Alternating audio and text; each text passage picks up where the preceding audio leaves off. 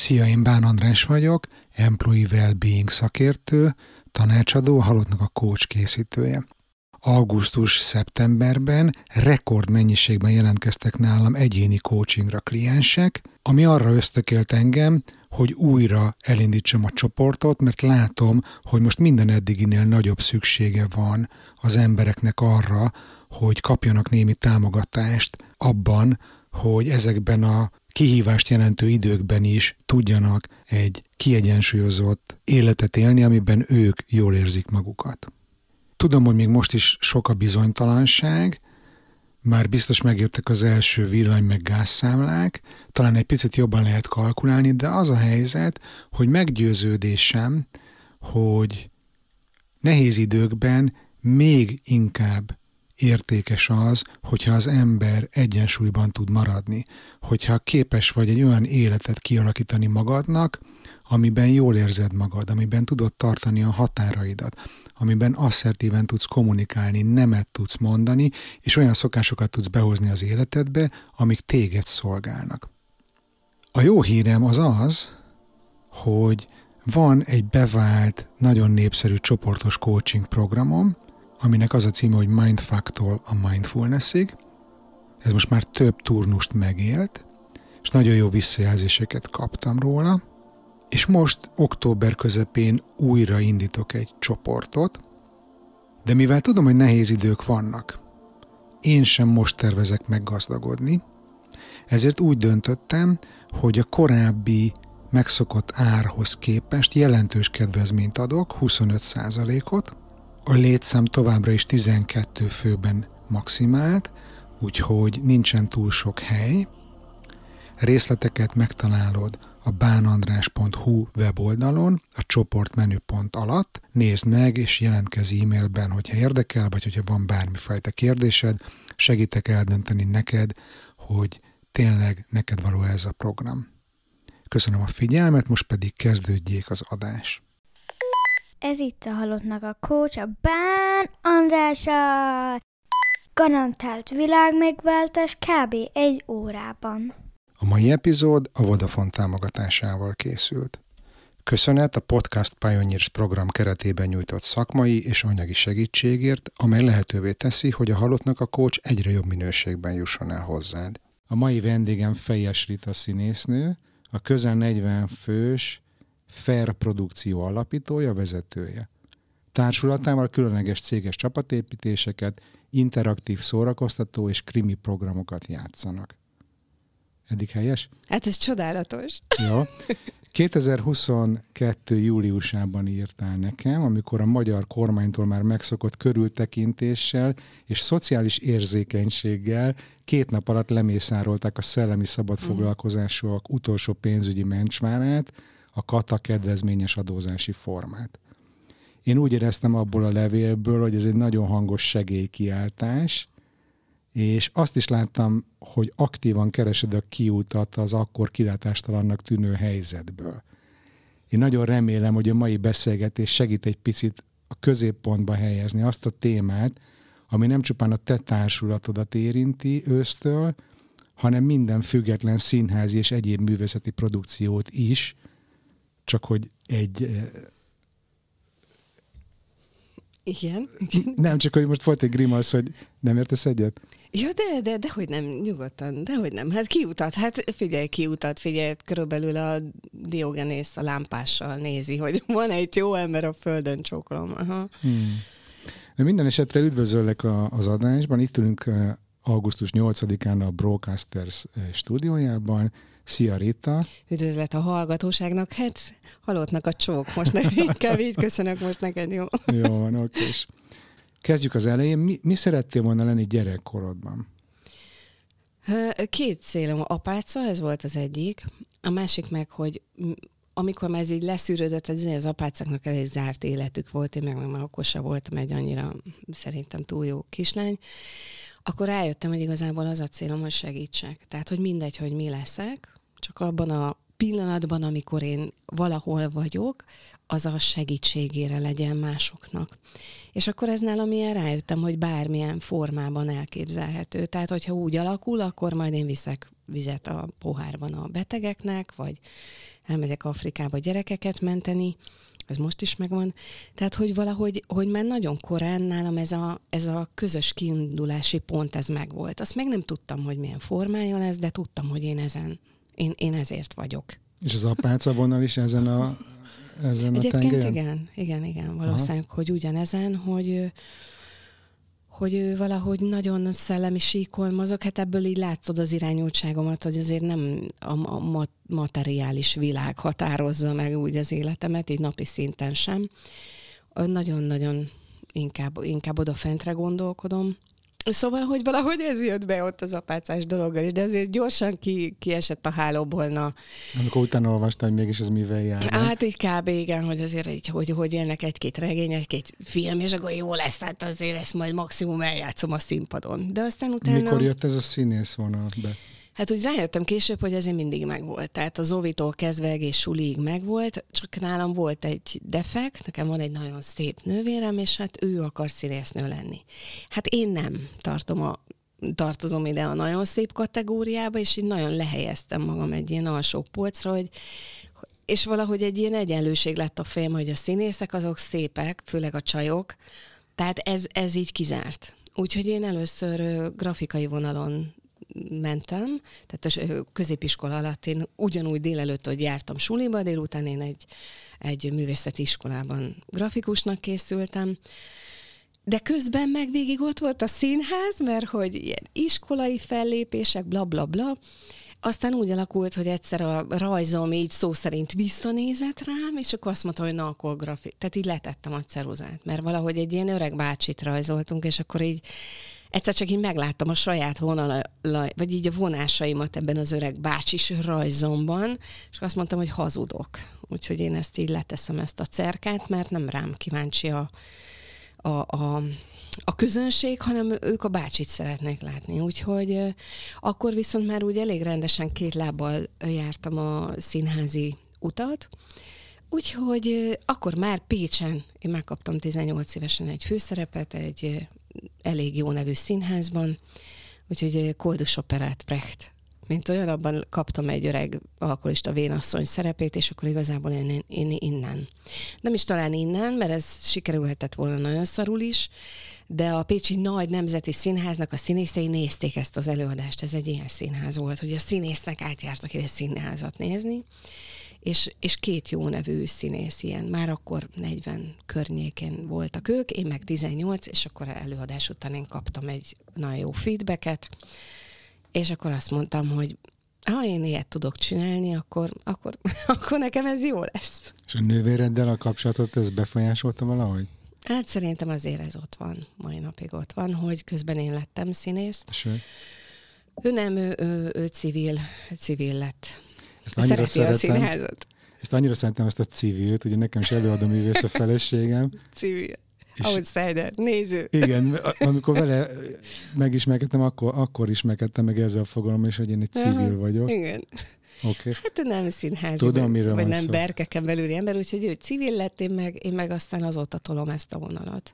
Mesélj a hallgatóknak arról, hogy milyen Magyarországon ez a Hát én azt gondolom, hogy ez egy zárt világ. Tehát azért, hogyha most megnézzük, hogy egy 10 milliós országban hányan foglalkoznak színházzal, ez nem egy magas szám szerintem.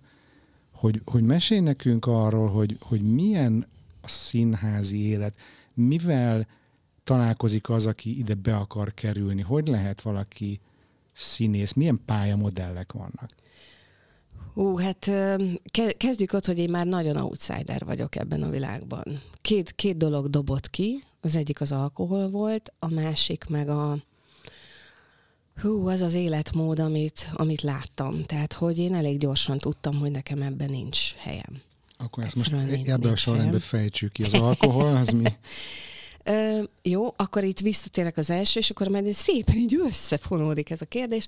Szóval ö, én rögvest ö, itt az első sikerek után egy nagyobb színházhoz kerültem, ö, akkor még stúdiós, tehát hogy tanultunk és dolgoztunk is a színházban, tehát szerepeltünk, és tök komoly oktatás volt egyébként, úristen, mindenféle, tehát ö, nagyon megalapozott, rengeteg ilyen verselmélet, meg irodalomtörténet, tehát így nagyon sok rétű volt, nagyon nívós volt ez a történet. Na, amit ott a színházban tapasztaltam, az viszont az volt rögvest az a felkiáltója, hogy én erre nem akarok menni. És akkor ez... Mi? Tehát két, két dolog volt feltűnő. Az egyik, hogy a színészek előadás után, ez egy vidéki kisváros nagy színháza, tehát, hogy a zsön, zsenik így ott, ott rohadnak meg vidéken, tudod? És nincs, nincs kiút. Nem tudnak nagyon többet keresni, mert egy ilyen vidéki városban ez van, és nincs más. Messze van Pest, messze vannak a filmek, a castingok. Most már biztos változott a helyzet, messze van a szinkron. Tehát ott, ott ez van, és kész. És vannak klikkek, és vannak társaságok, ahol főleg inni lehet, meg bulizni, meg agyatlankodni, Ó, nekem ez nem ment, egyszerűen nem, nem ment. Nem ment, ez volt az egyik rész. A másik meg, sajnos bele is futottam egy ilyen MeToo sztoriba, volt egy öreg tánctanárom, valamiért kiszemelt magának, én nem adtam be a derekamat, és utána ráadásul nyilván ez a helyzet is így valahol megviselhetett, mert elkezdett szarakodni a térdem szó szerint, és akkor több ilyen kisebb műtétet is kellett csinálni, és akkor ez a tanárom így kitálta, hogy ja, hát Rita nem alkalmas arra, hogy most táncos darabokban, meg semmi, úgyhogy igazából megpróbált kirugatni a színházból elérni azt, hogy akkor én innen elkerüljek, holott konkrétan az egész ott kezdődött, hogy ki akart vinni a telkére, és kiszálltam a fő utca kellős közepén, amikor nekem leesett, én hülye, naív állatnak, tehát én nekem ez, ez mind új volt, hogy ő, hogy ő ott mit szeretne, meg miért, miért visz ki, meg miért a lábamat a kocsiba. És az igazgatóval nagyon jóba voltam, vagy hát nagyon jó tisztelet teljes, teljesen jó a, hihetetlen jó kapcsolatunk volt, ő felajánlott, hogy ő, ő szeretné, hogyha maradnék a színházban, nincs ilyen karakteres, stb. stb. De nem, tehát, hogy nekem nagyon mehetnékem volt, és akkor ilyen mindenféle ilyen kísérletezős dolgokba egyik rosszabb, mint a másik, drogtanya, meg fú, tehát, hogy olyan helyre, helyre kerül, mindig bevállalós voltam, azért ezt így hozzáteszem, hogy én borzasztóan bevállalós vagyok a mai napig, pedig már van két gyerekem, ö, belemerek menni dolgokba, ha én ott valamit sejtek, hogy ott valamiért talán előre mehetek, és akkor így, így, így lett ez a, hát a Hortobágy közepén egy ilyen színházi közeg, hogy akkor ott majd lehet fejlődni. Hát nem fejlődni lehetett, mert az ember egy konkrét elmebeteg volt. Később lett egy film a Balástjai Rémmel, és azt gondoltam, hogy szerintem ez biztos ő lehetett ez a faszi aki ott, hát mindegy, engem ott mindegy, megvert, megalázott, elszöktem, konkrétan elszöktem a helyről. Ott, ott egy kicsit más, szó szerint más szivárványosabb jelleggel találkoztam, és ott az volt a baj, hogy én ezt a vonalat nem akarom, mint, tehát hogy borzalom, tehát hogy olyan fertő. Nekem ez nem, ennél szebb volt a lelkem, vagy ennél nekem a mai napig szebb a lelkem akár mennyit is káromkodok egyébként. Bocs, hogy ez a szivárványos, ezzel most mire utalsz? Hát, hogy konkrétan ez egy homi társaság volt, mint kiderült később, tehát egy hónapot voltam én ott, akik külföldieket fogadtak drogozni, de ez a faszi egy ilyen színházi világot képviselt, ami viszont nekem bejött. Tehát ez a szegény színház típusú elképzelés, hogy nem a díszlet és nem a ruha teszi a színházat színházzá, hanem az, hogy felrajzolsz egy, hát ennek vannak ilyen színházi vonalai, szakszavai, stb. Ez nekem nagyon bejött, tudod? Hogy a képzelet minden hogy nem kell neked ahhoz egy brutál díszletet, nem tudom hány csiliárdos jelmezzel odarakni, hogy el tud képzelni, hogy ott mi történik, és kik játszanak. Ö, és én ezért mentem oda, hogy én ezt tanuljam, de hát ebből nem sok minden maradt. Figyelj, itt, ahogy az előbb mondtad, hogy te bevállalós vagy, és hogyha látod, hogy valami lehetőség téged előbbre tud vinni, akkor akkor is, hogyha furcsa, félelmetes, te azt bevállalod. Hát, mint te. Ilyen furcsa, félelmetes, és én bevállalom. Jó, én is ezt képviselem, igen, igen. furcsa, félelmetes. Abszolút. Hát, hát hogy itt, itt Svédországban elhangzott az, hogy figyelj, figyelj, a Juditot idézem, ezt hallgatnod kell, ez rohadt jó, érted? Ez rohadt jó. Na, és akkor így jutottam el hozzád. Ha nincs a kata törvény, valószínűleg még mindig ott, ott áll a kis e-mail címed a fiókban, hogy majd egyszer talán írok neked. A kata törvény verte ki a biztosítékot, majd visszatérünk rá. Na mindegy. Úgyhogy okay, így kerültem amit akartam kérdezni. félelmetes stúdióba. Wow. Jó, azért nem foglak megharapni. Meg, de mindegy, ezt, ezt a MeToo témát no, nem akarom elke, elkerülni, de nem is akarok ebben nagyon nem, belemenni. Nem, nem, nem kell, ez, ez ennyit ért körülbelül. Nem ebbe a vonalba Aha. gondolom, hogy érdemes kifejteni a sztorit. Ami, amire próbálok rákérdezni, az az, hogy neked mit jelent az, hogy előbbre jutsz? Tehát, hogy amikor érezed, érzed azt, hogy mhm. valamiben van lehetőség előbbre jutni, mit jelent neked az, hogy előbbre jutni? Több, több lehetőséget kapok arra, hogy, hogy másoknak meg tudja mutatni, amit én vagy a csapat tud, azért, hogy ezeket a másokat minél nagyobb körben, minél nagyobb mennyiségben föl tudjam emelni azokban az órákban. Vidámabb lesz, jobb kedvűbb lesz, megért valamit az életéből, megért valami kapcsolódást, és jobban van tőle hívhatjuk ezt ilyen small vagy pöti katarzisnak, de azért van mindenhol, van, van egyfajta katarzis annak, amit csinálok.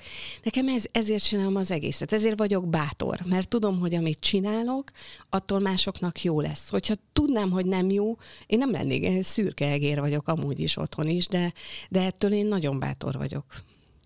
És akkor ezért hajlandó vagy kockázatot vállalni. Ja, persze, és bejönni szőrös emberekhez nagyon korán. igen, abszolút, és akkor igen. Uh-huh. Hát a bevállalóságról most csak annyit, hogy, hogy hogy a COVID történet az én csapatomat, és konkrétan engem borzasztóan gajra vágott. Tehát én már nagyon rég kiszálltam a hivatalos, hiva, vagy ez az official színházi élet, ahol bemész reg. Egyrészt gyerekkel megteltetlen, én elég sokat voltam így egyedül, 6-7 évet, és hát a gyerekeimet ki, mégis kire bízott. Tehát, hogy, hogy ez, ez így fizikailag lehetetlen volt színésznek lenni egy hivatalos közegben, ahol délelőtt próbálsz, délután próbálsz, este meg előadás van. Ezt én nem tudtam megtenni, ráadásul azok a pénzek, amiket itthon ezért kapsz, abból konkrétan éhen halok a, az albérletben, ö, manapság, meg így, hogy gyerekek vannak, meg autó is van, és nem nagy, de valami van, és fönt kell tartani. Úgyhogy ez már nekem nagyon régen nincsen, és akkor van a csapat, és a Covid minket, mivel céges, főként céges vonalra álltunk rá, tudod, úgy láttam, hogy ez, ez az a szegmens, ami békén van hagyva. Meg van pénz. Van, van pénz, a színészem nem halnak éhen, konkrétan én sem halok éhen, ö, és szellemileg békén van hagyva. Itt olyan darabot csinálok, olyan mondani valóval, ami nekem vagy nekünk tetszik, ebben nem ugat bele senki. Én nekem nem kell kuncsorognom, vagy ácsorognom, mint ennél a vidéki színáznál, hogy vajon kiírnak-e a próbatáblára, hogy eljátszhatom-e a 26. pohárvivőt, vagy most, ha még egy kicsit jó pofizok, akkor esetleg még szerepet is kapok. Egyszerűen és a jó pofizok jelentése, a kisbetűs, az az, hogy kimész a telekre a szereposztó bácsival, és hagyod, hogy... Hát nézd, nem biztos, hogy ezért ennyire nem vagyok rossz jó, tapasztaltam ilyet, de, de a jó pofi az az is, hogy ott ülsz a büfébe, és röhögsz, és, van, és ugye előadod magad, meg minden, és baszki, nem tudok ilyen lenni hétköznap. Egyszerűen nekem ez nem megy. Én egyrészt nem iszom alkohol, tehát kezdjük ott, hogy félig elvekből, meg nem, nem is ízlik, tehát kezdjük ott, hogy bort semmit sem iszom. Én kilógok így, így ezekből. Nem cigiztem, nem szivaroztam, nem piáltam. Ha csak a színpad nem kérte, az egy másik dolog, hogy hivatásból. De hogy én, én nem vagyok egy ilyen szórakoztató ember így magánéletben, és nem tudok szórak, én nem tudom bevetni ott magam, meg nem, a mai napig most hétvégén Hivatalos vagyok az Adolf Cukor Filmfesztiválra, Máté Szalkán, ez egy hatalmas nemzetközi filmfesztivál, cukornak a leszármazottja fejében fogant meg. A saját filmem, ez a bizonyos gyászfilm bekerült, ö, három jelölést kapott a fesztivál, legjobb rövidfilm, legjobb zene, meg bla bla. Úgyhogy én most hétvégén oda vagyok hivatalos, és azon nagyalok, hogy én tudod, így el akarok menni, meg, de én, ho- én ott hogy ismerkedek, basszus? Nem tudom. Nem tudok oda csapódni. És van, akinek ez olyan profin és lazán megy, és én még nem tudom, hogy mit csinálok, meg hogy csinálom, pedig basszus három jelölésem van a saját kis filmemen, amit, amit 200 ezer forintból hoztunk össze megint ilyen magyar fajta szarból várat építeni, és ez a vár mindig csillog és villog, és másoknak jó. És így nem tudom ezt, hogy kell csinálni, és nagyon szeretnék, hogy nyilván el fogunk menni, meg ott vagyok a díjkiosztón, meg ott van ilyen vacsi, meg nem tudom, meg nyilván kerekasztal beszélgetések, aztán valahogy csak lesz valami konkrétan, de nem vagyok ebbe ügyes, tehát, hogy plá. Jó, tehát, hogy ez úgy, úgy kapcsolódik a, a történetedbe. története. Tényleg mi mit mondtál ezelőbb? De ne. Nyomorék pornó Nyomor vagy pornó. mi? Tehát azt megbeszéltük a felvételenet, hogy ez ne az legyen. Ne nyomor pornó legyen. De, de hogy ami, amit, amit így vissza akarok kötni, hogy, hogy mondod, hogy nagyon hamar kivetett téged ez a hagyományos színházi uh-huh. élet Magyarországon, és az egyik kihívás számodra az volt, hogy folyamatosan a színpadon kívül is játszani kellett volna ahhoz, hogy a színpadon is játszhassál, és hogy ez tudjuk normál civil munkahelyeknél is, amikor az ember nem adhatja önmagát, amikor az embernek mindig meg kell játszania magát, valamilyen szerepet kell játszania, az egy iszonyatosan nagy stresszt jelent, ami, hogyha hosszabb ideig fennáll, akkor simán vezethet kiégéshez is. És akkor nem tudom, te mikor hagytad el a, ezt a klasszikus vonalat, mikor mondtál le arról, hogy te klasszikus színházból leszel 98-ban létrehoztuk a annó rendező férjemmel az Új Reneszánsz Színházat, ami már egy civil magánszínház volt itt a belvárosban. Úgyhogy ez volt az első, amit úgy fogtunk föl, hogy hát olyan, mint egy cipész meg a boltja. Ha jó cipőt csinálsz, jó áron, akkor ide be fognak jönni. És ez így is lett. Tehát hozzáteszem, hogy, a, hogy nagyon, nagyon számomra névos, tehát mondani való, nagyon erőteljes mondani való, nem lila a darab, nem hupizöld, nem, nem gagyi, és valahogy ezt a, ezt a vonalat így meglőttük Molnár Ferencekkel, stb. És aztán ez egy sikeres vállalkozás lett. Tehát, hogy azt hallom, hogy Magyarországon legalábbis a 90-es évek végén, nem tudom, hogy ez most is igaz-e, lehet olyan színházat csinálni, amit piaci alapon megél? Ez a színház megélt, mi se támogatás, se semmit nem kaptunk. Hozzáteszem, hogy miután én eljöttem innen a hivatásos nagy színházi világból, tehát hogy, és, és elkezdtük ezt a magánt, én elkezdtem elég sok menedzsment cuccot tanulni, hogy én ezt tudjam egy kicsit menedzselni, vagy szervezni, vagy valahogy okosan megcsinálni. Ez odáig ment, hogy annó volt ilyen, hogy ö, mm, magyar kulturális ökörségnek hívtuk, örökségminisztériuma, és mi onnan kaptunk egy külön behívót, mert olyan statisztikáink voltak, amire azt mondták, hogy hát ilyen nincs. mi meg megmutattuk, hogy de van. Van. Nem volt túl sok előadásunk egy hónapban, volt 10, 12, 6, 8, de volt közte angol nyelvű, és tele volt a színház. Uh-huh. Amikor ebbe belekezdtél, belekezdtettek, volt férjed, de mi volt a te motivációd? Milyen gondolataid voltak? Hát ugyanez. Egyrészt fölcseszte az agyunkat az itthoni színházi élet, de komolyan. Tehát, hogy két végletet láttunk. Az egyik volt az, hogy vagy gagyit nézel, én az operettet ide sorolom, de bocsánat azoktól, akik imádják a Mágnás Miskát, én tudom, hogy annak van létjogosultsága, csak nem nálam. Tehát, Német nyugdíjasoknak nagyon jó. Ja, tehát vagy, vagy a gagyi van, ez a ungarische Wirtschaft, vagy van a lila művészet. Amikor bemész, csez meg, nézed a darabot, és nem tudod, miről szólt, érted?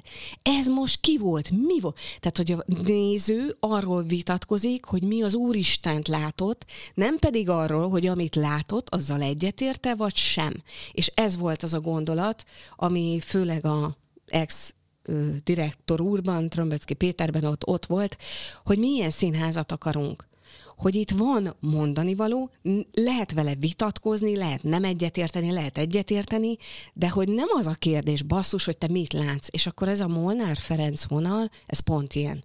Szórakoztató, ott van a mögöttes tartalom, és tudod, miről szól, és nincs elcseszve rendezésben. Úgyhogy mi ez, ezért csináltuk ezt az egész színházat. És akkor az üzletileg is sikernek bizonyult? Ez, ez jó. Úgy nézett ki, hogy ezt mi ezt mi jól csináljuk, és a színészeknek végre volt egy normális esti gázsia, amit el tudtak rakni, ráadásul elkezdtünk ficánkolni már akkor, nézegettük a külföldi fesztiválokat, és akkor így kerültünk Angliába, és játszottuk például az Ördög című darabot, ami Molnár Ferencként Angliában, egy-két fesztiválon magyarul, mert hogy, illetve igen, nem, mind, mindig angolul játszottunk, és aztán volt egy, egy Christopher Hampton darab, hát a Hampton az egy nagyon jó nevű író, mert jelen pillanatban is jött kint, és az Emberbarát című drámáját ott, ott az egy, az azt ott Londonban még meg, megdobtuk úgy, hogy beállt két angol színész, és két hetet próbáltunk velük így, hogy össze tudjuk rakni, mert a teljes csapat nem tudott kiutazni, és akkor kint kaptunk színészeket, és összepróbáltuk, és ez egy nagyon szuper cucc volt. És meddig ment ez a színház? Hát így szülésig körülbelül, ugye, mert a párom nagyon művész volt, tehát ő nagyon a művészeti vonalat vitte neki, nem sok köze volt a, a való világhoz. A bizniszhez. A bizniszhez, én meg, én meg még két héttel szülés előtt még, még dolgoztam, meg játszottunk, meg műsort vezettem, aztán aztán valahogy az egész társulat beszült a fiúknak, gyerekeik születtek, a lányok terhesek lettek, és ez egy picit ott meg, megrekedt, aztán egy magánélet is megrekedt, úgyhogy utána teljesen külön utakra váltunk, és akkor 2007 óta az új reneszánszból már, már engem annyira ismertek a cégek, rengeteg műsort vezettem meg, nagyon sok minden ilyen felépést, hogy akkor voltam olyan állat, és azt mondtam, hogy a saját nevemről ne fogom elnevezni a produkciót, vagy hát a csapatot, illetve mozaik szóként a fejes rétából. Hmm, én is hmm? összeraktam egyből egyébként, szóval jó Egyből, durva. Figyelj, vannak akiknek a mozaik szó így olyan szinten nem mond semmit, hogy na mindegy. Hála jó ég. De Rita, akkor ez egy tök jó sztori eddig, mert meglátod a lehetőségeket, sikereid voltak. Nincs nyomorpornó. Szívádom. Na igen. Sikereid voltak, és akkor a szülésnél ott széthullott egy picit, a, a, ha jól értem, a magánélet is, meg a szakmai élet uh-huh. is, de mégis azt a, azt a tőkét, amit addig fölépítettél magadnak, azt tovább tudtad kamatoztatni, és akkor arra ráépítettél egy ilyen céges per színház vonalat Aha. ezzel a fair produkcióval. Nagyon érdekel engem, aki szintén járok cégekhez, és workshopot csinálok, meg érzékenyítő beszél, beszélgetéseket, mentális egészségről például. Nagyon érdekel engem, hogy mi az, amit te tudsz kínálni a cégeknek. Tehát, hogy konkrétan meséld el nekünk, hogy mi, mi fajta programokat találtál ki, milyen előadásokat csináltok, mi azoknak a célja, mit adtok ezzel a cégeknek? Egy kicsit létszős add el magadat. Hát figyelj, tömören, zanzásítva állatságokat csinálunk, okos állatságokat, amikben megélik azt, hogy fúra ki tudnak lépni sokszor a komfortzónájukon túl, és, és így a... Most a dolgozókról beszélünk. Mm, Tehát, hogy oda jön a társ, társulat, és akkor ilyen interaktív... Na majd igen, igen. Jó. Tehát egyrészt ezeket, vannak íróim, és, és nagyon sok műsort, ilyen típusú műsort még az ex írt. Ő szintén benne van a jelen bizniszemben is, bizonyos osztályokat, mint jogi osztály, stb. ilyeneket képvisel, kapja a jogdíjat utána. Hát, szóval azért nem lett kirakva, meg amikor helyre kell rakni egy darabot, akkor ő jön és helyre pofozza, tehát így, így nem lettem hirtelen rendező is, mert nem értek hozzá. Ö, szóval, hát ez úgy néz ki, hogy már akkor kaptunk még 99 környékén egy megrendelést egy murder mystery-re ami így Angliából egy angol, félig angol cég kért minket föl arra, hogy írjunk nekik egy ilyet, mert ők ezzel szeretnék itt szórakoztatni a, az angol nyelvű cégüket.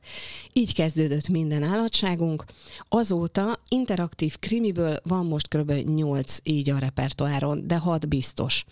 Tudod, így van ilyen, hogy indoor, meg outdoor, meg dödödö, tehát vannak ilyen különböző típusok. Ezt most úgy képzeljem el, mint ezek a klasszikus angol filmekben, hogy ott van mindenki egy kastélyban, és hirtelen ott egy hulla, és Aha, na biztos, hogy itt van a tettes, de ki igen. volt az. Na szóval, ez... hogy igen, tehát hogy, hogy ezek krimik, a, amiért ez krimi, az, az az emberismereti rész. Tehát a, a, ezeknek az előadásoknak a karakterei, a sztoriai írdatlanul meg vannak írva. Tehát ez a, a a sztori nem, vagy a nem fal, hó, bort, ez egy ilyen Shakespeare-i, mit tudom én, micsoda, így lehet csavarni benne a betűket, tehát nem, iszonyatosan ki van találva, hogy ki, ki mi, milyen közegben, kivel, hogyan kapcsolódik, és a résztvevők van olyan, hogy immédiás res ott vannak egy sztori közepén, hogy egyszer csak ott valaki előttük jön, megy, aztán így összesik, meghal. Ez az ijesztősebb verzió, de ezt is ilyen lájtosan igyekszünk csinálni. Meg van olyan, amikor föl van vezetve, hogy az egész csapat kivonul, és egy hullát ott a szálloda sarkán helyszínel. Tehát nagyon sokféle módon csapódunk bele egy sztoriba, ami mindig közös, hogy csapatokra osztjuk őket, és mindig a csapatoknak valahogy ezt a sztorit ki kell okoskodni, hogy mi történt, hol történt, ki csinált, mit csinált, miért csinálta, és amivel ez több, mint néhány egyéb más ilyen hasonló-hasonló program, hogy nálunk színészek vannak, és vérbeli színészeim vannak, minden fajta hegyet, völgyet megjárt színészek, tehát nem tudod őket megvezetni, és a karakterek, tehát hogy ki kell menned adott esetben, mondjuk Balatonfüreden reggel nyolckor az Immédiás Resz után, megkapja a csapatod a secret file-t, úgymond, vannak benne térképek, fotók, mit tudom én, múzeumbelépő, fagyi, izé, vagy a pékségben ilyen voucher, amiben bele van sütve információ, piacra mész, halad belezel, retro telefonfülke csörög az utcán, fölveszed, jössz, mész, és nem csak a jössz, mész a lényeg, meg hogy egyébként az én kis kultúrbuziságom azt mondja, hogy vigyelem el ilyenkor a csapatokat olyan helyszínekre, amik ilyen kultúrkuriózum, legalább várost is néz közbe, hanem hogy embereket kell megkeresned az adott városban, vagy az adott helyszínen, ezeket a szereplőket, vagy ilyen beépített színészeket, és ki kell őket hallgatnod. És amikor te kihallgatod őket, akkor neked ott kell, hogy járjon a félbe, hogy fekete kalapos, vagy fehér kalapos, vagy falaz, vagy hazudik, vagy mi a motivációja, mi a cél, hogy illik a sztoriba.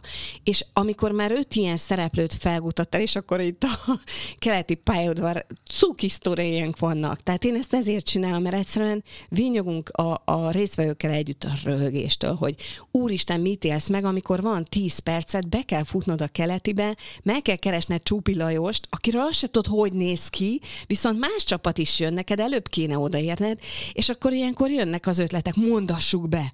Jó, álljunk föl a padokra, üvöltsük, hogy Csupi Lajos. És akkor üvöltik, hogy Csupi Lajos, hol vagy? És akkor fölrakja a fazon a kezét, aki nem az én színészem volt, hogy ő a Lajos, és akkor kihallgatják, és 20 perc után rájönnek, hogy baszki, ennek a faszinak köze nincs az egész sztorihoz, mert lukra futottunk. Ez csak egy ilyen homeless, aki, mit tudom én, most beszívtuk, mert azt hittük színész, de nem az és akkor eh, járkálnak ott az emberek között, hogy elnézést egy gyilkosság miatt, hogy ó, vér volt itt tegnap, és akkor izé. Tehát, hogy ilyen olyan sztoriaik vannak, hogy így, így elképesztő. Nagyon tetszik az, amennyire belelendültél a mesélésbe, és tényleg átjön az energia. Kész. És én meg folyamatosan fülig érő szájjal mosolygok, miközben ezt hallgatom, és azon gondolkozom, hogy az én 15 éves multis karrieremben miért nem volt soha ilyen program, Ha. Amikor ránézek a honlapodra, ami... Uh-huh. A Fair Produkció. Fairprodukció.hu Kom. Kom. Azt hiszem. Fairprodukció. Nem, nem, pont hús. Az enyém a komos, a Rita fejes. De, ja, oké. Okay. Ott látom, hogy millió, tehát hogy nagyon sok eh, referenciátok van, tehát hogy tényleg uh-huh. nem kettőt, meg nyolcat csináltatok, hanem hosszú éveken keresztül rengeteget. Nekem ez úgy hangzik, egyrészt látom, hogy milyen lelkesen mesélsz róla hallom, hogy miről van szó, ez baromi jónak hangzik, és már nem tudom, tizen éve csinálod, ugye 2007? Hát már, már mindig is, 20-30, nem tudom, sok. Tehát, hogy ezt a részét már, már nagyon régóta csinálod, tehát úgy, úgy hangzik ez, mint egy siker minden szempontból. Mutatod a számokat, nem, nem, nem, matekban nem, ilyenkor nem vagyok jó. Ilyenkor így jönnek kifelé ilyen. Na. Jó, na. kár, hogy nincs videó. szóval ez egy sikersztorinak hallatszik. Az is. Hát az, tehát, hogy amikor így tudom, hogy van olyan bank, aki már nem tud mit játszani nálunk, mert mindent végigjátszott, és azt mondják, hogy figyelj, találjál már ki valami újat, mert, mert már nem tudunk mit nálad, vagy a béres, vagy ilyesmi, akkor, akkor ez jó. Na de amikor így beszélsz róla, akkor én nekem egy óriási kontraszt van a között, amit most hallok, látok, ez az energia, amit tolsz, meg amit az e-mailedben olvastam, ami tényleg egy segélykiáltás volt. Hogy egy picit beszéljünk hmm. ennek a sötét oldaláról. Először is meséld el nekünk azt, hogy társulatvezetőként, menedzserként gyakorlatilag, szélszesként is, ugye? Uh-huh. Milyen stresszorok értek téged? Mi az, ami kihívás ebben a sztoriban? Hát igen, amikor látod, hogy ez jó, ez jót okoz, hogy, hogy ezt imádják, hogy valami újat kapnak, az, az úgy olyan rakét, amit, amit azért nem lehet megállítani, semmilyen fajta Viktoroknak se, meg senkinek se. Mert, mert itt, itt rögvest abba ütközik bele bármilyen stoppos ember, hogy itt cél van, csókolom. És hogyha cél van, meg mondani való van, meg eredmény van, akkor, akkor azt azért le lehet töröl, próbálni, de nem fog sikerülni. Szóval hát egyrészt itt van ez a bizonyos adminisztrációs rész, és akkor itt a kata. Tehát ö, ö, elképesztő cirkuszokat éltem meg azzal, hogy milyen fajta vállalkozási formában csináljuk ezt. Eleinte volt ez is, az is, amaz is, és amikor végre önálló tudtam lenni 2007-ben, és már bocsánat, de a pénzügyi, meg az egy, egyéb adminisztrációs részében már nem zavart bele más elem, hanem csak rajta múlt az egész, akkor végre kézbe tudtam menni, és akkor ez a katás sztori, ez egy rohadt jó verzió volt. Ö, egyrészt, mert törvényes, és ne tessék azt mondani, hogy nem fizettünk adót, mert itt rögvest lesikítom a bácsi vagy a néni fejét. Tehát egyrészt törvényes volt, másrészt nagyon kevés adminisztrációs agybajjal jár. Tehát egy, azért valahol én művész vagyok, bocsánat. Ö, volt és van is könyvelőm, mert mindig is azt gondoltam, hogy ehhez nem értek jól, ez egy szakma, nem ezt tanultam, nyilván megfizetem, hogy ezt jól csináljam, így is belefutottam olyan büntetésekbe, hogy a könyvelőm nézett be ezt-azt. Tehát ez is így még nehéz ügy legjobb jó szándéka ellenére. Tehát van ez az adminisztrációs őrület, hogy ezt hogy kezelet pénzügyileg. A 40 színészem, táncosom, akik az egyéb nyűgjeikkel vannak, hogy ők hogy adjanak számlát, hogy ez, hogy ez átlátható, hogy tiszta legyen, és ez tök jól működött ez a rendszer. Bocs, csak hogy a hallgatóknak Aha. mondjuk el, hogy azért ez a színházi világ, hogyha te nem egy közszínház állandó társulati tagja vagy, akkor ez nem úgy működik, hogy te neked van egy munkaviszonyod, és semmi más. Sőt, hogyha közszínházat tagja vagy, akkor is elhívnak szinkronban, meg Így reklámra, van. meg ide, meg oda, meg amoda. Tehát, hogy 48 alkalommal kell Tök azon kívül számlát adnod, és hogy ennek a, a rétegnek, ez a kata, ez egyrészt egyszerű volt, másrészt meg én azért azt gondolom, hogy ezt ki kell mondani, hogy eh, bizonyos uh, havi bevétel fölött ez azért röhelyesen alacsony összeg volt, amit kellett fizetni. Nem mondom, hogy nem adóztatok, vagy nem adóztak a katások, mert ez nem igaz, uh-huh. de hogy mondjuk aki mondjuk 800 ezeret, egy milliót bekaszál egy hónapba, ami nem hiszem, hogy egy hétköznapi színésznél igaz, azoknak a 50-75 ezer forint, hát az igen, tényleg csak semmi. ő tudott 12 millióig. Tudta, utána 40 ot ugyanúgy leemeltek rólad. Tehát én okay. ugyanúgy... Én azt gondolom, uh-huh. és ezt úgy mondom, hogy nekem van vállalkozásom Svédországban, uh-huh. van vállalkozásom Magyarországon, és Magyarországon én is kata haszonélvező uh-huh. vagyok, voltam, és yeah. részben leszek is, de hogy én ezt úgy mondom, hogy én is ezt igénybe veszem, uh-huh. de hát amikor körülnéztem, akár nemzetközi szinten, hogyha vállalkozom, milyen adózási formát válasszak, akkor azért ez kiugróan nevetséges Jó, adókulcs ez a kata. Tehát, hogy azon kívül, hogy egyszerű, azért tényleg azt gondolom, hogy a, közteherviselés szempontjából nem, fent, nem feltétlenül fair. Van még ezer igazságtalanság a magyar adórendszerbe, nem feltétlenül ezt kellett volna szétverni, és nem azonnal, és nem így. Uh-huh. Nyilván Ugye? lehetett volna megoldásokat Tehát, hogy, hogy most ezzel nem akarok ezen vitatkozni. ki több pénzt. Csak hogy a hallgatóknak egy kicsit így szeretném árnyalni ezt a képet, de hogy értsék uh-huh. meg a hallgatók, hogy ilyen vagy olyan formában a szellemi szabad foglalkozásúaknak, az előadóművészeknek létszükséglet az, hogy tudjanak számlát adni, mert különben nem fogják tudni a bevételeiket legalizálni, hát vagy lehet, hogy van. meg se kapják, főleg, hogyha cégekkel eh, hát dolgoznak. Most heti három cég, tehát három helyre katát, tehát adok számlát, vagy négyre, így vagy van. kettőre, vagy egyre, tehát így, így hogy? És hogyha te mondjuk színész vagy, akkor nem is tudsz magánszemélynek számlát adni, mint hát amit ugye van. a katakörbe meghagytak, mert hogyha elmész egy szinkron stúdióba, Persze. vagy egy reklám stúdióba, az egy cég. Tehát hát gyakorlatilag... Meg, azt tudod, hogy azért a nagy színházak is kirakták az embereket, tehát hogy maradtak nagyon-nagyon kevesen ilyen Állandó. á- állandóra, és a színészek legtöbbje hiába játszott színházban, neki ö, megkérték őket, hogy legyenek egyéni vállalkozók, vagy így, vagy olyan formában. Tehát mm. már rég nincs az, hogy van egy 50 fős társulat, és akkor mindenki állandó. Egy-két színházban van, de a legtöbben már ez, ez abszolút nem, nem, nem így működött. Mm. Jó. Uh, szóval ez nem volt az a, egyik nem, nagy nem a, baj. Tehát, uh-huh. a, tehát, hogy az adminisztráció volt az egyik kihívás, így van, meg hogy ez így, meg hogy én hogy tudom a, az embereimet, tehát hogy ez egy dolog, hogy én hogy tudom a saját kis vállalkozásomat, hanem a 40 ember, aki nekem dolgozik, eddig is, ha áfás számlát adott, nem volt jó, mert én nullás vagyok, ha én nullás, tehát eddig is volt benne cirkusz, de most aztán ez a 40 fő, ez 40 felé. És én azt gondolom, hogy ez aztán pláne nem, ez a törvény nem azt hozta meg, hogy kifehérítjük a gazdaságot, már bocsánat, mert bizony én is hallok azóta bingizőkről, akik azt gondolom, hogy ezek után is bingizni fognak, akármit csinálónak, akármilyen jogi formát.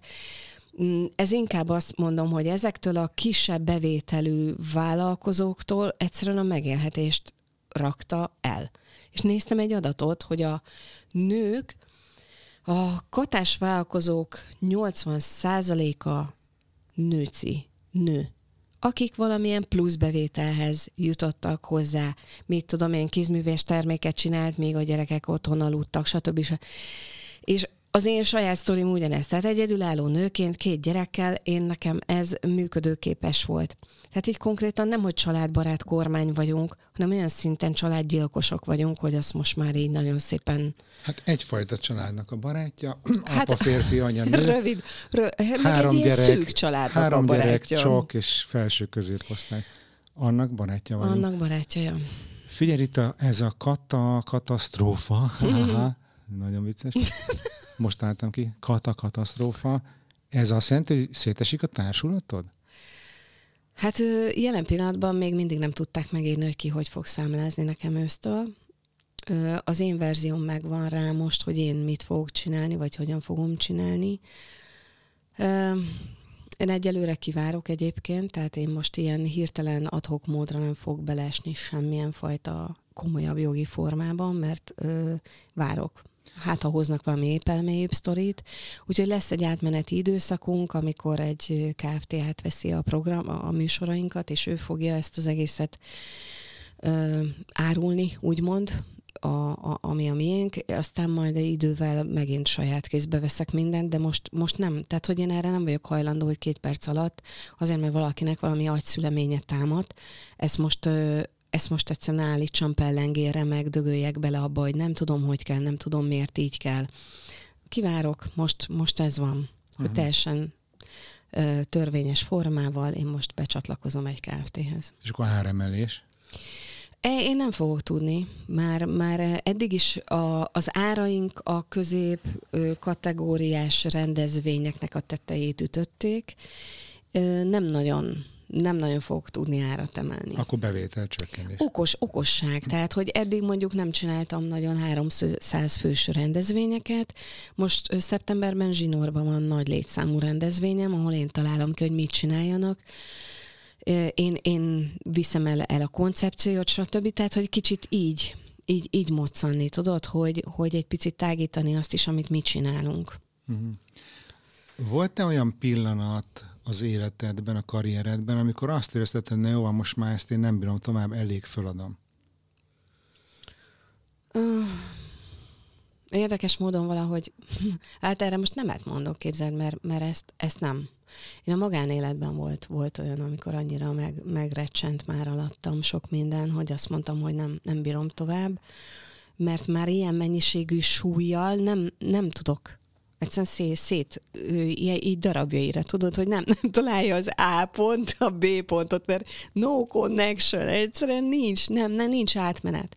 És hogy, hogy igazából úgy az, az a teher, hogy a gyerkőcök hogy vannak, a második vállásom az borzalmas volt, ott hat és fél évig váltunk, jelen pillanatban is végrehajtás van a gyerektartáson, rendőrségi úgy van a normál gyerektartáson, tehát hogy, hogy ez, és akkor megint családbarát kormány, hogy hat és fél évet kell küzdenem azért, hogy gyerektartást kapjak a gazdag apukától, mert ő kifehérítette magát. Tehát, hogy ez ilyen borzalom, tehát, hogy, hogy inkább ez, ez, ez volt a nehéz. Persze közben úgy muszáj, hát most, most úgy vettem én, hogy, hogy, a, hogy a coach most egy magánembert is hívott meg, szóval azért merek így erről beszélni, másról nem nagyon szoktam.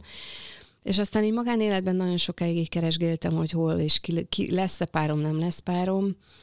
Aztán enne, erre itt az íre a pont az azért 2020 novembere, ahol a párom a lélegeztetőn maradt, úgyhogy nem covidosként került a kórházba, de tíz nap után mégiscsak elkapta bent a covidot. És akkor az úgy már, úgy már nagyon a jéghegy teteje volt, tudod, hogy pff, ebből most hogyan tovább. Bocsánat, elveszítetted a párod? Hát így ott halt meg, igen, lélegeztetőn. Sajnálom. Úgyhogy volt ilyen is, és akkor, és akkor mind, mindezzel együtt tudod, hogy közben ott volt a Covid időszak, tehát nekünk a céges rendezvények nulla semmi. Én egy átkozott oltatlan vagyok, és szeretnék is maradni nagyon sokáig a gyerekeimmel egyetemben, Ö, akkor jött ez a másik, hogy én nem dolgozhatok, meg hogy dolgozhatok, meg hogy tesztelek, meg hogy nem tesztelek. Ebből nem volt akkora gigszer egyébként, elforgattunk, és elég sokat, Monca.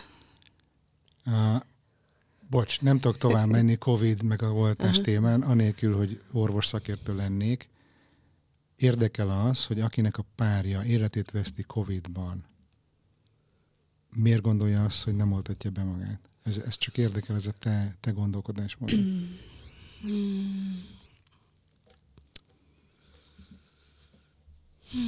Erre nem tudok jó választ adni. Egyszerűen minden ízem ellenkezik a, a, ez ellen, a sztori ellen. Tehát ő nem, nem covidosként került be, ő egy normál tüdőgyulladással került be.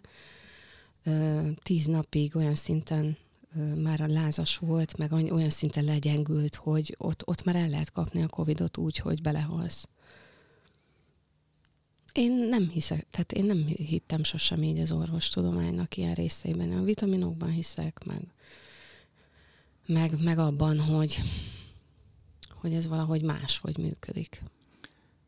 Itt most muszáj, Jó, muszáj vagyok. logikátlan, biztos, muszáj vagyok meg itt. sikítani is lehet a vonal túlsó végén.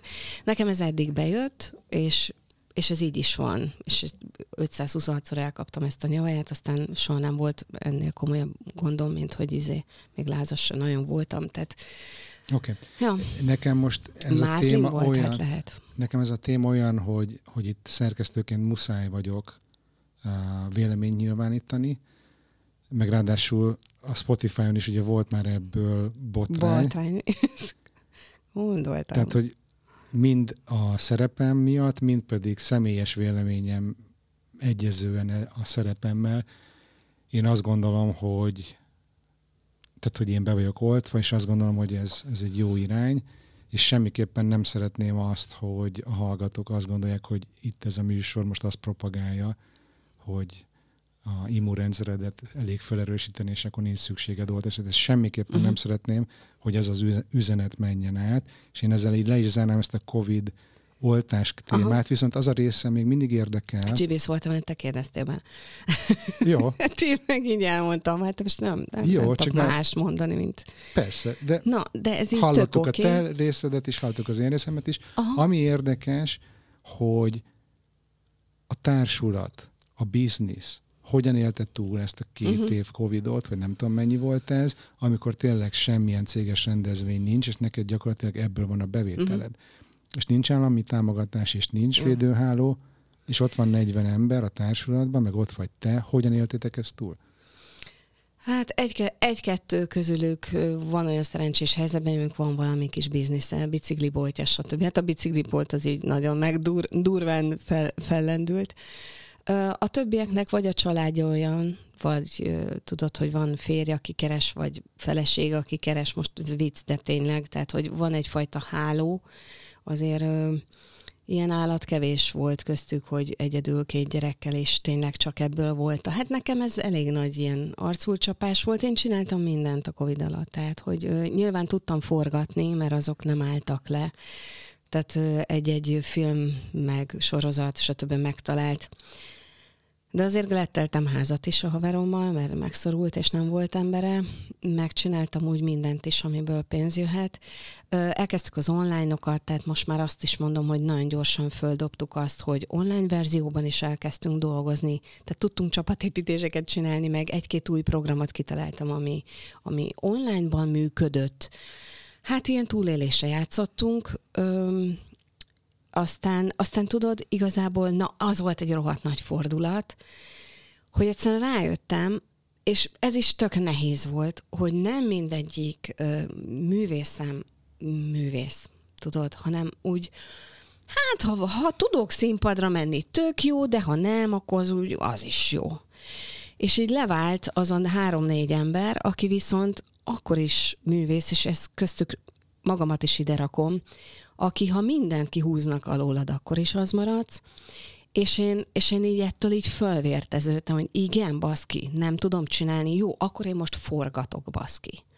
És akkor le megszületett az első Covid alatt, megszületett az első rövid filmem, ez a Fus című, ami szintén nyilván személyes élmény, de most tök mindegy. Tehát mondtam én, hogy a póklokat is megértem azért, hogy aztán legyen miről mesélni többek között egy ilyen helyes, szimpatikus szakállas férfinak.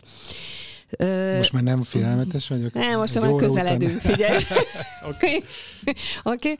És akkor leforgott ez a fus, ez a családon belüli erőszaknak egy ilyen hatalmas felkiáltó jele, egy öt perces rövidfilm, és, és, és ezzel, ezzel elég, eléggé úgy döntöttem, hogy én ezzel most így megyek, és ha 40 média riportot ez nem élt meg, tévé, rádió, ridikül, és nem tudom, a Jakubcsák műsor, és mindenféle, akkor egyet sem. Ez nekem ott, ott egy vívő vonal volt. És, és ebben nagyon bele tudtam állni, mert ezt nagyon, nagyon meg is éltem, meg nagyon volt vele célom is, mert akkoriban a, és azóta is sajnos az isztambuli egyezményből Magyarország kilépett, és szarik rá erre a témára, és azóta is sorra halnak gyerekek és nők csak azért, mert agyonverik őket. Brutális számok vannak. Tehát ez egy ilyen, ez nekem egy védőháló volt, hogy én igenis tudok csinálni akkor mást és aztán most megint a más van, úgyhogy a Covid alatt ez körülbelül így, így telt el, és akkor 2021-ben már úgy, úgy kezdett talpra valamilyen módon a piac, és akkor ugye az 50, tehát ugye a felével el, elmuzsikáltuk azt az évet.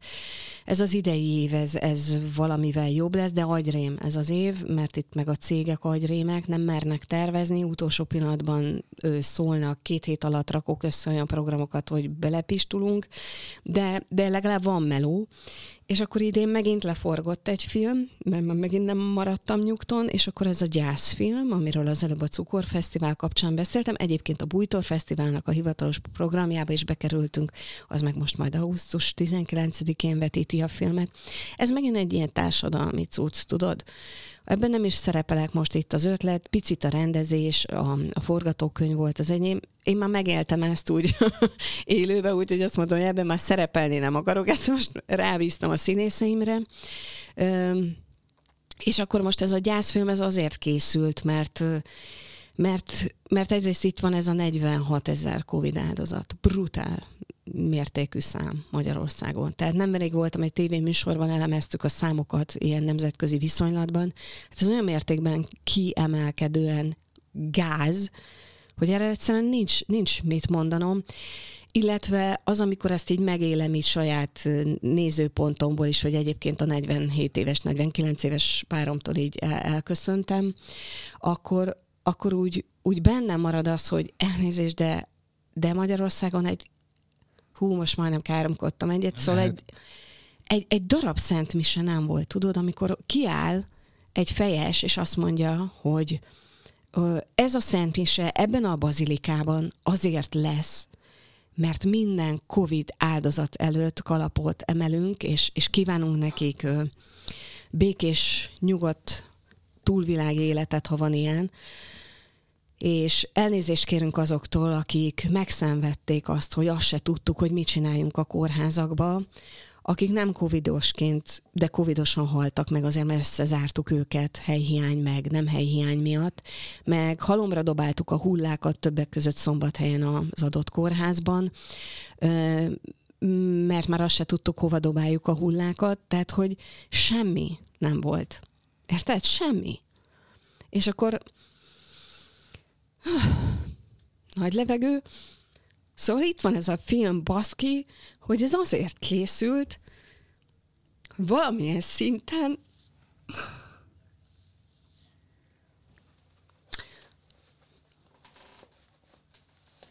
Na, szóval valamilyen szinten elnézést kérünk az emberektől. Hogy a filmnek ez a célja, hogy az a ki nem mondott bocsánatkérés, az meg legyen a filmbe? Hát egyrészt emléket állítani azoknak, akik elmentek, másrészt meg tudod, ö, ö, ott van a, ez, ez úgy van a főcíme a filmnek, hogy gyászfilm az életről szól. Tehát igazából ebben valahogy azt szerettem volna erősíteni, hogy az itt maradottaknak valamiért itt maradtak, és igenis lesz céljuk ebben az életben. Jaj, mindjárt abba hagyom. Mm. Na, mindjárt abba hagyom. Szóval, hogy van célja az életben azoknak, akik itt maradtak. Úgyhogy ez a film igazából nekik szól, hogy van élet a halál után, és, és most megint sikersztori, mert nekem egy évem bekerült ez az egész nehézség. Nyilván nem húsz évet töltöttem a párommal, úgyhogy nagyon sokkal könnyebb volt ő, ő valahogy ezt így átvészelni, de soha nem gondoltam volna, és nagyon durva utat jártam be addig, hogy most, most viszont van egy párom, és az a párom lett, aki, aki miatt talán ez az egész történt, hogy, hogy el kellett jutnom egy bizonyos kemény önismereti személyiség lépcsők, tehát olyan szinten le kell dobni minden kabátot, hogy az ember hogy egyszer csak itt kilépjen a fényre, hogy valahogy én mégiscsak, akármilyen szentségtörés azt mondom, hogy van élet a halál után, és valamiért itt maradtunk, és, és igenis van dolgunk. Mi a te és dolgod? akkor... Mi a te dolgod? Hát csinálni ezt, hogy hát, hogy így segítsek.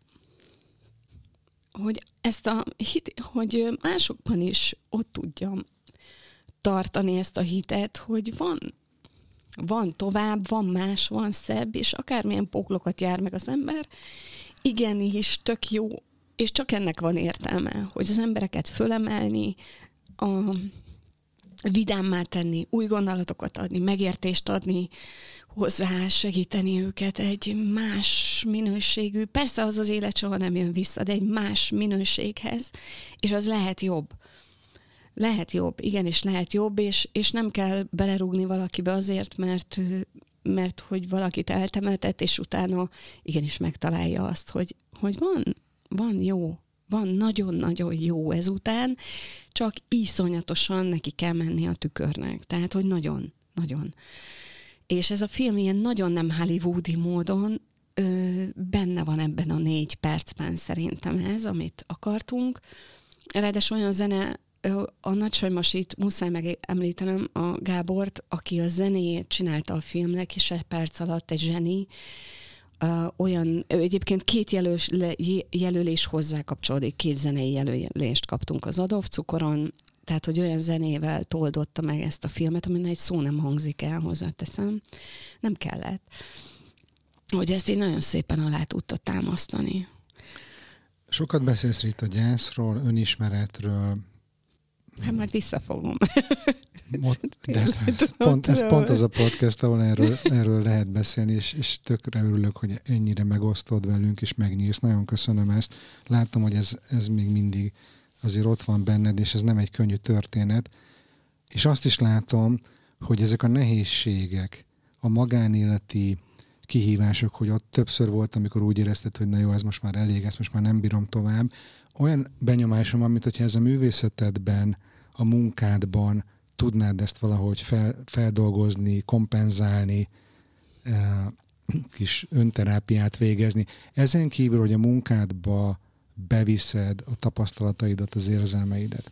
Ezen kívül mentél -e esetleg pszichológushoz, vagy bármilyen más segítséget igénybe vettél -e ahhoz, hogy ezeken a nehéz időszakokon át rágjad Nem, magad? nem, tehát igazából mm, lehet, hogy azt mondod, hogy ma, ha már itt izé sírogatok, meg így potyognak a könnyem, ez bocs, előfordul, vágjuk ki. Ö, nem. Tudod, hogy nem fogjuk kivágni. nem, nem. Tehát igazából tudod, hova mentem ki a természetbe, ö, és nekeltem evezni. Végre a régi célom, egyik régi célom új, új, újjászületett, úgyhogy evezek, mint az állat, és valahogy nekem ez a terápia, ez mindig is ez volt. Tehát nekem mindig, mindig ez a színházas, filmes dolog, meg az, hogy ezzel nekem célom van, és nem öncélom van, hogy, ö, ö, ja, hogy, hogy ez nekem mindig ez volt az, ami átformálta, átszublimálta ezeket az érzéseket ezekbe a dolgokba, és ez nekem elég hülyén hangzik, hogy elég, meg, meg ott van a, a, most a kisebb gyerekem még hagyja magát szeretni, hogy kilenc éves kis csoda gyerek, tehát ott van ő, meg aztán most már itt a párom, és akkor ez így minden, minden így klappolni fog. Ezek meg majd valahogy beletolódnak a különböző szerepeimbe, a különböző feladataimba, és az nekem így elég. Tehát, hogy, hogy hogy, ja, hát meg vannak az embernek barátai, és akkor azoknak ugye mondogatja a gondjait, és ez nagyon jó, mert három mindig van, ugyanaz a három, mint 20 éve, meg 30 éve, meg 40 éve, és akkor ez így, nekem ez elég. Ez elég. Futni sajnos nem tudok. Biztos futnék egyébként, mint a Valcer Júci, aki miatt Lundba kerültünk, és aki miatt itt vagyok. A, akkor, akkor futnék, de szét vannak cseszve a térdeim, úgyhogy nem futok sajnos, úgyhogy ez, abban nem tudom. Igen, ez a sublim, sublimálás, ez egy, ez egy ismert eh, történet előadó művészeknél, vagy művészetekben eh, meg lehet élni azt az élményt, ami egyszerűen tényleg sublimálja elpárologtatja Aha, de jó. a nehéz érzéseket. Érdekes ezen filózni, és ezt most én nem fogom megfejteni, már korábbi adásban is beszélgettünk erről vendégekkel, hogy ez vajon megoldja-e az alap problémát, Aha. vagy csak a tüneti uh-huh. kezelés, uh-huh. de hogyha te nem érzed rosszul magad, akkor mi motiválna a változtatásra? Ráadásul baromi jó alapanyag ez a művészetnek. Én nekem nagyon régi hitvallásom az, amit hát nagyon egyszerűen megfogalmazott a Therapy Együttes egy számban, hogy Happy people have no stories.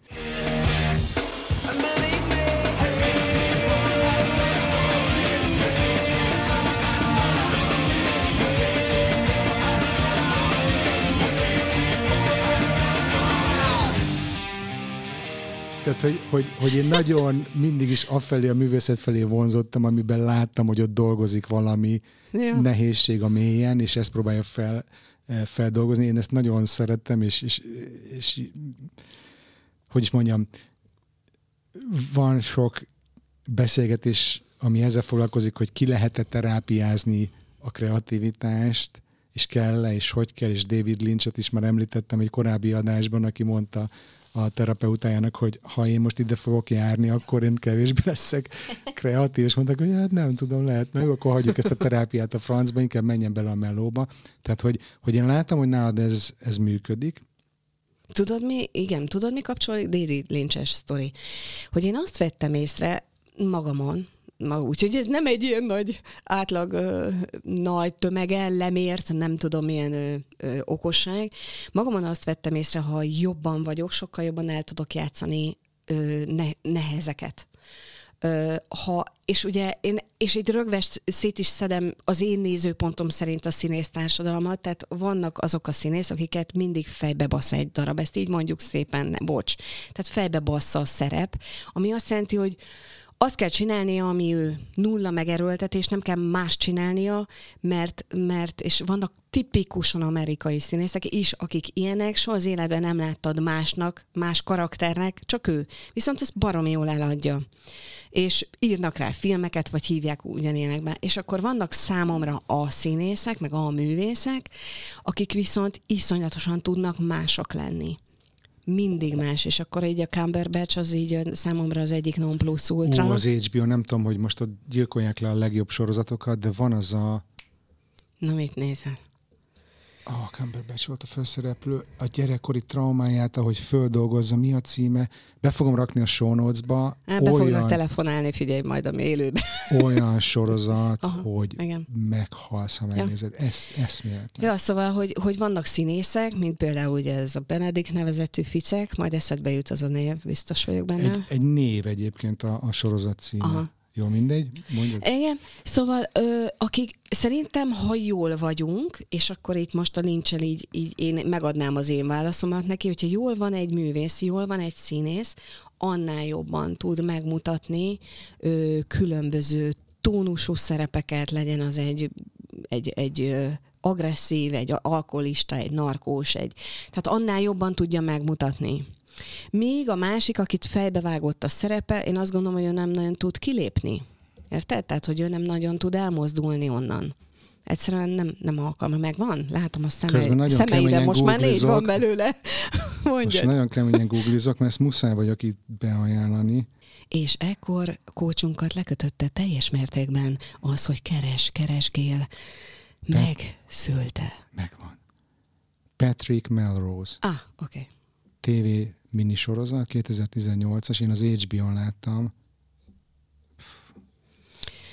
Hát jó, igen. Na, hát, hát ezek, ezek az álom. A néző gyerekeknek. A te a rövid filmjeidet meg lehet nézni valahol? A fust már igen, tehát hogy így, hogy fuss uh, short film, ezt már így a neten bárki bármikor, mert már nem fesztiválozik. A gyászfilm az most még fesztiválozgatni fog, úgyhogy azt már csak azután, hogyha itt uh, uh-huh. le, lefutottuk a köröket. Oké. Okay. Itt a végén még azt, azt meséld el nekünk, légy szíves, hogy most hogyan tekintesz a jövőbe? Mondtad, hogy kivárásra játszol a bizniszsel. Hát a jogi milyen, részével. Aha. Milyen terveid vannak? Mert az a e-mail, amit nekem írtál, uh-huh. ott úgy éreztem, hogy most valami nagy változtatásra van szükség, és hogy az energia benned megvan, az irány nem volt feltétlenül világos, de a külföld az ott villog a, a képernyő az sarkában? Az villog. Az borzasztóan villog. Mesélj erről, mibe vagy most, milyen terveid vannak? Ö, hogy ez is már megtörtént picit, csak ezt már nagyítani szeretném, és aztán itt jön képbe minden is, hogy azért mi elkezdtünk játszani külföldön, tehát uh, Ausztriában, Dániában, és ugye több alkalommal Svédországban is vittük ezeket a bizonyos krimiket. Hát Svédországban krimit állat, szóval, hogy azért ott, ott azért beszívják, igen. Tehát így nagyon komolyan hazájára talált az, amit csinálunk, meg igazából egy egy malmöi céget szórakoztattunk itt pont Balatonfüreden ezzel az őrült outdoor kriminkkel, ahol futottak, mint a mérgezett tegerek, és nyomoztak, és azt mondták, hogy úristen, ez mi? Hát ilyen nincs. Ezt nem, nem látták, nem hallottak. Tehát, hogy úristen, na akkor jött az, hogy nekünk ezt kéne kint csinálni. Ezt nekünk, és ugye a csapat nagyon, elég nagy része iszonyatosan jól beszél angolul, és és mi ezért is nyitottunk már akkor is kifelé.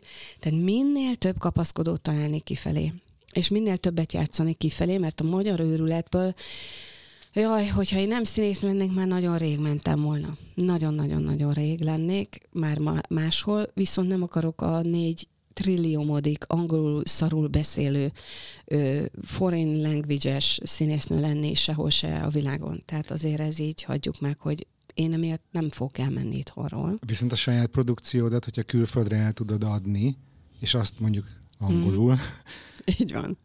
Akkor egy idő után mondjuk, hogyha ez az üzleti modell működik, felmerül a kérdés, hogy és akkor miért, értek, miért éltek Magyarországon? Ah, ez mi a hülye hivatástudat érted, hogy nekem itt dolgom van meg az itteniekkel, biztos nem lennék állandóan más, más lábon. Tehát, hogyha végleg minden szinten kigyilkolnak minket, azért most így, így azért már ugye a végét járjuk. Tehát, hogy azért ezekkel az árakkal, meg azzal, amit vár ránk, hogy csak azért is kicsinálunk benneteket minden területen, azért azt gondolom, hogy most már nagyon a végét járjuk, de még mindig. Egyrészt én a gyerekem miatt el se tudok menni. Tehát itt a cirkusz, ami megy, még mindig a, expériemmel ez nem, ez nem hogy lankat, hanem egy jobban, jobban kattam be az ember. Tehát nem, egy darabig ő még kilenc éves, tehát nem mozdíthatom. Tehát azért az, vannak ilyen sztorik is. De nagyon jó üzleti modell számomra, hogy egyre többet játszunk külföldön, és találunk, Dániában elindult a Covid előtt az, hogy találtunk egy olyan pontot, aki kicsit ilyen franchise módra kinti színészekkel csinálnám meg ugyanezt a, ezeket a produkciókat, nem kell kiutaznunk, tehát ezek a költségek is lefaragódnának. Most Romániában épülget egy szál, ott azért még mindig jobban, jobban levegőhez jutnak az emberek, művészek is, mint itthon. Tehát, hogy ez, ezt látom működőképesnek, illetve az, amit én sosem csináltam, hogy saját magamat toljam, és nálam mindig a csapat ment előre jobban, Nálam ez volt a fókuszban. Én meg játszom benne nyilván, meg az egészet azért csinálom, hogy én is csinálhassam, de akkor is sokkal jobban toltam a, a bandát, mint saját magamat. Úgyhogy most egy picit visszatettem a fókuszt magamra, Úgyhogy én még, én még úgy vagyok vele, hogy a hatodik haszakad, ha 89 évesen, de baszki, én még fogok nagy filmbe szerepelni. Mindegy, hogy mit játszom addigra, mert annyira jó leszek már bármit is. Úgyhogy most ez a cél, és most ezen is dolgozom. Úgyhogy van ez, meg az, hogy kifelé, kifelé is találni cégeket kint, akiknél az angol nyelv nyilván menő, és akik azt mondják, hogy basszus, mi akarunk emberismeretet tanulni, szórakoztató módon, és akarjuk tudni, hogy mi mire vagyunk jók, és mennyire vagyunk ö, talpra esettek, mennyire tudunk adatokat értékelni, mennyire tudunk csapatba dolgozni, mennyire tudunk logisztikában előre menni, mennyire tudjuk a, a való életben megtalálni a, a, a megoldásokat, mert ez az egész játék erről szól. Úgyhogy ez, ez, ez az, ami, ami valahogy ide vonzott hozzád, hogy, hogy, hogy ezt így el, el tudjam mondani, hogy emberek, help us, túl akarunk élni, és porzasztó értékes az, amit csinálunk, és nem a nagy arcon mondatja ezt velünk, hanem tényleg meg kell nézni, hogy miket csináltunk. Ha nagy arcom lenne, akkor nem itt ülnék, érted? Akkor már valami mm, tévében valami saját izéba tolnám, hogy milyen fasz a gyerekek vagyunk, hanem egy kicsit kell, sajnos kell egy picit segíteni, és ezért borzasztóan hálás vagyok neked, hogy a megsült kenyeret most nem hagytad a kemencébe, hanem kihúztad, és azt mondod, hogy emberek, ez finom, ez ropogós, és, és, és lehet, hogy te is szeretni fogod, hogyha megkóstolod. Úgyhogy emiatt nagyon-nagyon-nagyon nagyon hála neked az összes kócsoknak, meg az összes szakáll, szakálladnak. Tényleg. Köszönöm, köszönöm hogy, hogy eljöttél, és elmesélted a történeted. Én nekem az a benyomásom, hogy mert ugye ez volt az e-mailezésünk, hogy, hogy hogyan tudok én neked segíteni. És én az, azt gondoltam, hogy, hogy ez talán tud neked valamit segíteni, hogy itt egy platformot adsz, és tudom, hogy HR-esek hallgatnak, és tudom, hogy nagyvállalatban dolgozó döntéshozók hallgatnak, és nekem nagyon átjött ebből a beszélgetésből, hogy te ide nem segítségért jöttél, vagy nem kérsz, hanem csak hadd mondd el, hogy mit tudsz adni, és hogy te igazából azt kéred, hogy adhass. Ja, nekem hát nekem ez, ez az üzenet, ami átjött, Záró kérdés, igen? Aha, meg, meg hogy így nekem most az a kép ugrott be, van az a gyönyörűséges mondat, hogy nem, Vörös Sándor idézett, hogy nem kell ismerned célodat, célod ismer téged, hogy hát így dobunk bele egy-egy kavicsot egy-egy pocsolyába, folyóba, tengerbe, aztán így, így nem tudjuk, hogy hol a part, és hallgatva a korábbi műsoraidat azért iszonyatosan jó közönséged van, nagyon durván jó közönséged én nagyon-nagyon hálás vagyok, ez a legnagyobb értéke az egész podcastnak. Tudom, hogy valószínűleg ezért csinálod, hogy ezeket az embereket össze tudsz szipkázni egy platformra, mert ez óriási élmény számunkra. Hát én a 40 emberemért tűzbe mennék. Tehát, hogy végre olyan csapatom van, hogy Istenem, Magyarországon egy, egy etikus, egy erkölcsös színházi csapat, akik nem a pián alapuló banda közösséget, hanem egy cél, cél irányultságú közösséget alkotunk. Ez brutális. Az ember ettől, ettől a mennyekbe van, úgyhogy, ja. Én nagyon jó egészséget és sok további sikert kívánok neked. Záró kérdés. Hogyan tekintesz a jövőbe? Hát most már meggyőztél, oltatom magam. Ez az egy... Komolyan? Nem, nem, nem, nem, nem, de ezt muszáj volt ide tenni. Hát egyelőre fényes, úgy, úgy tele vagyok tervekkel, meg célokkal, és nagyon megfeküdtem ott egy pár hete, amikor az egész katás cucc bejött. Most se jobb, de van egy biztos kapaszkodom. Az, hogy, hogy basszus, én én biztos az vagyok, aki nem hagyom, hogy, hogy, hogy csöndbe legyünk, vagy legyek. Vagy így, vagy úgy, de ez olyan, mint amikor így össze akarsz nyomni egy ilyen squishy labda, vagy hogy hívják. Tehát én valahol onnan kitüremkedek. Tehát, hogy lehet, hogy kicsi, meg nyomorékul néz ki, de egyszerűen ez így van, jön, és ezt az Isten nem fogja megállítani, vagy csak ő, leginkább. Úgyhogy ez a jövő, hogy bármilyen formáját is megtalálni, és, és és aztán célokat odarakni, és most hála Istennek egy kicsit így lement a nehézség rólam, mert azért boldogság az van, 8-9 hónapja, és most így egészen más fényezete van a napsütésnek is. Délután három után és Svédországba. Jó van, Rita. Van-e valami üzeneted a hallgatóknak? Ja, Istenem, erre nem készültem. Uh, legyetek jók, ha tudtok. Ez most nagyon, ez a legfontosabb, ha tudtok. De akkor is. Köszönöm, hogy itt voltál. Szia! Sziasztok, köszönöm szépen, hogy remélem nem volt baromi uncsi, meg minden, meg túl sírós, rívós, úgyhogy remélem volt értelme, és hogyha bármit is adtunk azzal, hogy tényleg mit tudunk adni, keressetek meg, aztán hadd csináljuk. Okay. Köszönjük. Be fogom rakni a, az adásnaplóba az elérhetőségeket. Köszönöm már a figyelmet, sziasztok! Hello, hello! Kedves hallgató, köszönöm, hogy még mindig itt vagy, remélem megérte végig maradnod. Ha szeretnél egy szuper társaság részévé válni, akkor csatlakozz az online támogató közösségünkhöz a Facebookon, keresd a Halottnak a Coach közösség csoportot, és ne felejts el követni az Instagramon a Halottnak a Coach címen. Amennyiben szeretnél velem dolgozni, részt venni egy csoportos coaching programon, vagy egyéni tanácsadáson, meghívni a cégedhez workshopot vagy érzékenyítő beszélgetést tartani, esetleg podcastet készítenél velem, akkor a részletekért látogass el a bánandrás.hu weboldalra. A bánandrás.hu-n feliratkozhatsz a hírlevelemre is, amiben péntekenként bepillanthatsz a kulisszák mögé, és megosztom veled, mi inspirál éppen, mit találok érdekesnek a világban. Iratkozz fel a Halottnak a Coachra Patreonon exkluzív tartalmakért, és támogasd a munkámat havi egy kávé árával.